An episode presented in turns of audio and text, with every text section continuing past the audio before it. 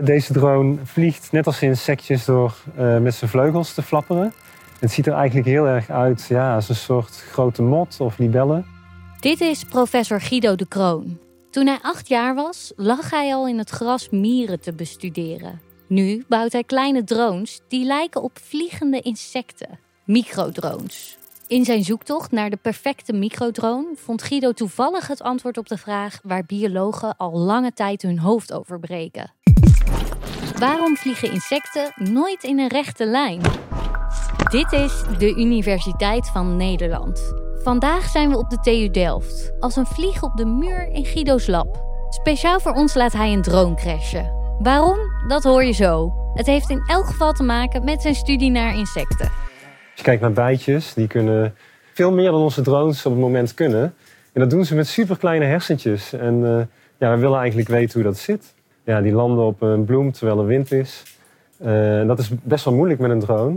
Nee, maar ze doen nog veel meer, weet je wel. Ze bouwen eh, korven, ze uh, praten ook met elkaar. Niet ja, zoals wij dat doen, maar bijvoorbeeld door dansjes uit te voeren. En dan vertellen ze aan andere bijen waar de bloemenvelden zijn, waar nectar zit.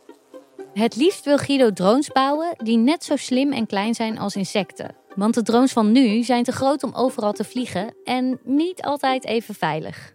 Belangrijk aan het feit dat ze klein zijn, is dat ze dus uh, bijvoorbeeld binnen uh, veel beter kunnen rondvliegen. Omdat ja, binnen zijn best wel nauwe ruimtes. Hè. Een deuropening is dan, vinden wij nog redelijk groot, maar hè, is vaak 60 centimeter breed.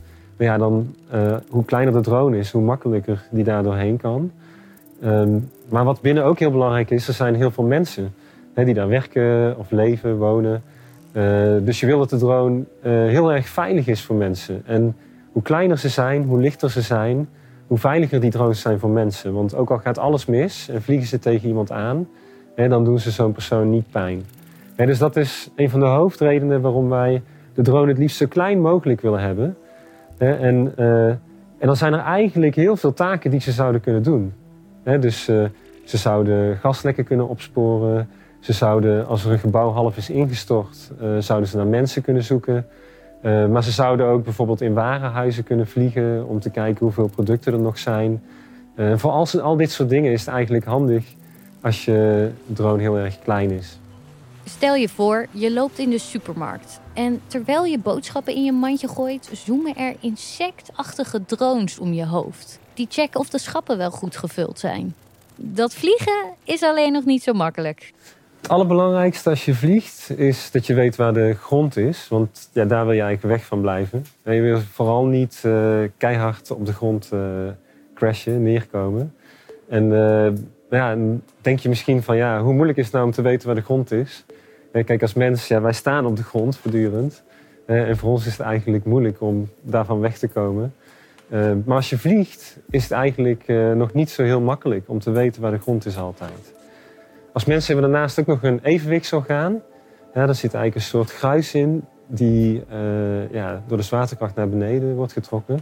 En als je daar bijvoorbeeld, ja, er iets mis mee is, dan voel je je echt super duizelig. Dat evenwichtsorgaan dat hebben insecten bijvoorbeeld niet, hè, want die zijn er te klein voor. en we hebben in onze normale drones hebben we ook hebben iets anders, hebben we versnellingsmeters. Dat soort versnellingsmeters zitten ook in je telefoon. Die meten bijvoorbeeld of je je telefoon rechtop houdt of draait. Zo'n versnellingsmeter is zo klein als een speldenknop. Maar voor Guido's microdrones nog altijd te groot. Ze moeten dus zonder zo'n meter leren vliegen en oriënteren als een insect. Als je naar insecten kijkt, ook in je tuin bijvoorbeeld, die zijn altijd, ja, altijd een beetje aan het bewegen en doen. En als mens weet je nooit waarom. Hè? Want het kan zijn dat er een klein vluchtje wind is. Uh, het kan zijn dat, uh, uh, dat hij dat expres doet. we hebben eigenlijk geen idee.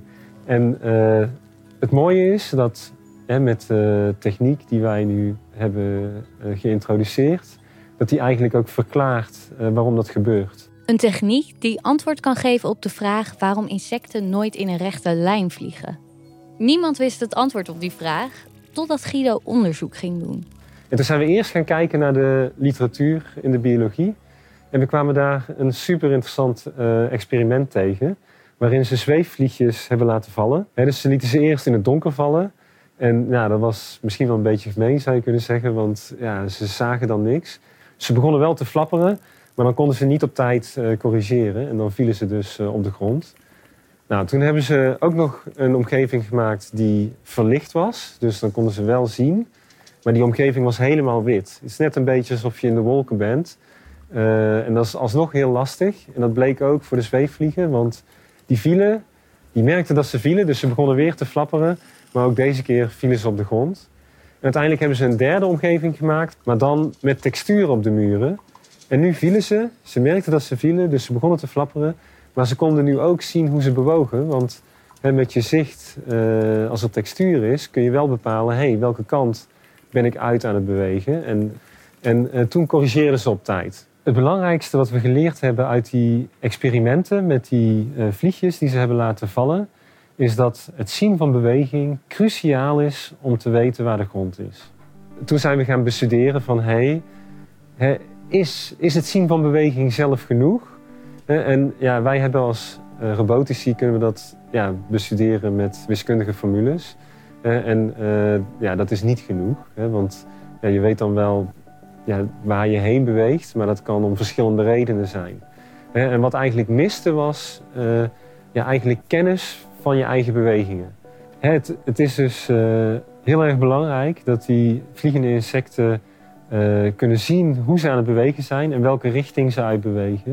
En het is ook heel erg belangrijk dat ze weten wat er gebeurt als ze bepaalde dingen doen. Dus dat ze bijvoorbeeld sterker flapperen aan de ene kant dan de andere kant. En want dan weten ze, oh, ik ga draaien. En als je die twee puzzelstukjes samenbrengt, dan kun je eigenlijk heel makkelijk uitvinden waar de grond is. Oké, neem een bij. Die heeft dus geen evenwichtsorgaan en voelt niet of hij recht in de lucht hangt. Ook niet of hij recht vliegt. Hij kan alleen oriënteren door te kijken. Deze bij ziet bijvoorbeeld een heerlijke bloem vol nectar. Daar wil hij naartoe. Dat is zijn focuspunt. De bij flappert nu hard met zijn linkervleugels. Omdat hij dan zelf naar rechts draait, ziet hij hoe de bloem en zijn omgeving naar links draaien. Vervolgens flappert de bij met zijn rechtervleugels en draait het beeld terug. Hij ziet de bloem weer recht en weet dat hij goed vliegt. Door te bewegen kan hij dus zien in welke richting hij vliegt. Zo blijft hij van links naar rechts zwieren tot hij bij de bloem is. Met nectar. Biologen denken al tijden dat het zo werkt, maar Guido kan het echt bewijzen. Hij neemt ons mee naar zijn cyberzoo. Een soort voetbalveldje in een afgesloten zwarte hal waar hij zijn drones kan testen. We zijn hier eh, in de cyberzoo van de TU Delft. En dit is onze drone test uh, arena. En uh, op het moment is deze drone helemaal zelf aan het vliegen, want ik sta er gewoon naast. Hij gebruikt nu nog versnellingsmeters, hè, net als uh, eigenlijk ja, bijna alle drones ter wereld. Hè, om te weten waar de grond is, hè, zodat hij ja, goed weet hoe hij recht moet blijven hangen. En wat ik nu ga doen is, ik ga teruglopen naar mijn computer. En dan ga ik hem net als een insectje eigenlijk laten bepalen waar de grond is. En je ziet dat hij veel meer wiebelt nu dan daarvoor. En gelukkig ligt hier ja, een matje met heel veel textuur. Dan kan hij zelf zien hoe hij beweegt. Of hij naar links gaat, of naar voren, naar boven of naar onder. En met de versnellingsmeters kon hij best wel goed stilhangen. En je ziet nu eigenlijk dat hij uh, een beetje schommelt. Net als een insect dat niet in een rechte lijn kan vliegen. De drone oriënteert zich op een mat op de grond. Met een zwart-wit patroon dat doet denken aan een QR-code.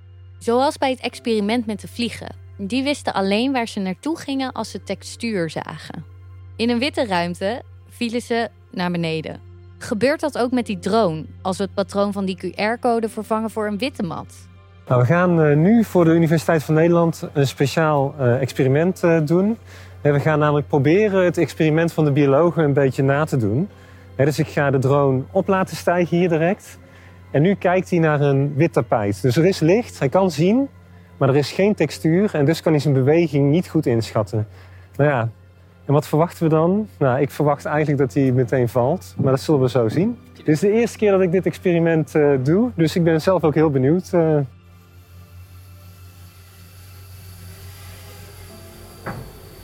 Ik zal niet te hoog vliegen.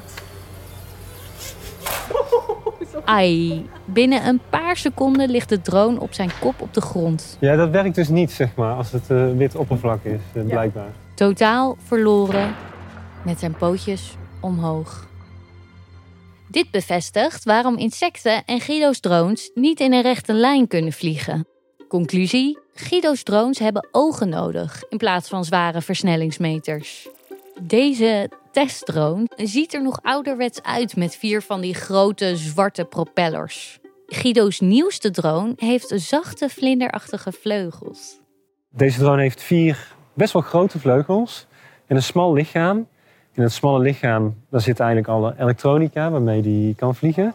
En hij heeft vier pootjes onder, zodat je hem ja, kunt landen en ook weer op kunt stijgen. het ziet er eigenlijk heel erg uit ja, als een soort grote mot of libelle. Het is daardoor wel een heel fijne drone eigenlijk, omdat uh, de vleugels heel zacht zijn. Dus zo'n drone is eigenlijk nog veel veiliger, ook voor mensen. Zo lijken zijn drones steeds meer op de kleine wezens waar hij als kind al zo gek op was. Op insecten. Nog een paar laatste aanpassingen en ze mogen het lab uitvliegen. Het coole is eigenlijk wel dat uh, we soms ook beter kunnen doen dan de natuur. Dus onze droontjes kunnen met uh, ja, wireless, dus uh, draadloze communicatie, en kunnen ze informatie aan elkaar doorsturen. Terwijl ja, in de natuur hebben we volgens mij nog geen telepathie uh, ontdekt. dus, en dat zijn toch wel dingen die ze natuurlijk kunnen gebruiken om eventueel ook nog de natuur voorbij te streven. Dank je voor je verhaal, Guido. Wil je elke week wetenschap? Abonneer je op ons kanaal.